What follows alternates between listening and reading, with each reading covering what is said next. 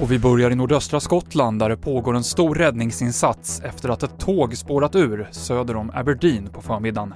Skottlands första minister Nicola Sturgeon säger att det finns uppgifter om allvarligt skadade personer och att det är en mycket allvarlig händelse. Ingen är gripen efter att rånare körde in en bil i en guldbutik i ett köpcentrum i Botkyrka söder om Stockholm. Ett vittne säger till Expressen att rånarna körde som idioter och att folk slängde sig in i butiker för att inte bli påkörda. En man i Norge har fått böter på 20 000 kronor för att ha brutit mot karantänsregler. Den coronasmittade mannen kontrollerades av polis när han körde med sin bil och det uppdagades då att han borde ha varit isolerad hemma.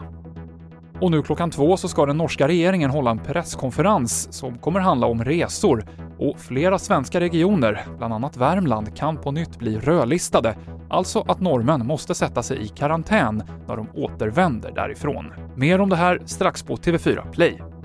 Och det här var TV4-nyheterna med Mikael Klintevall i studion.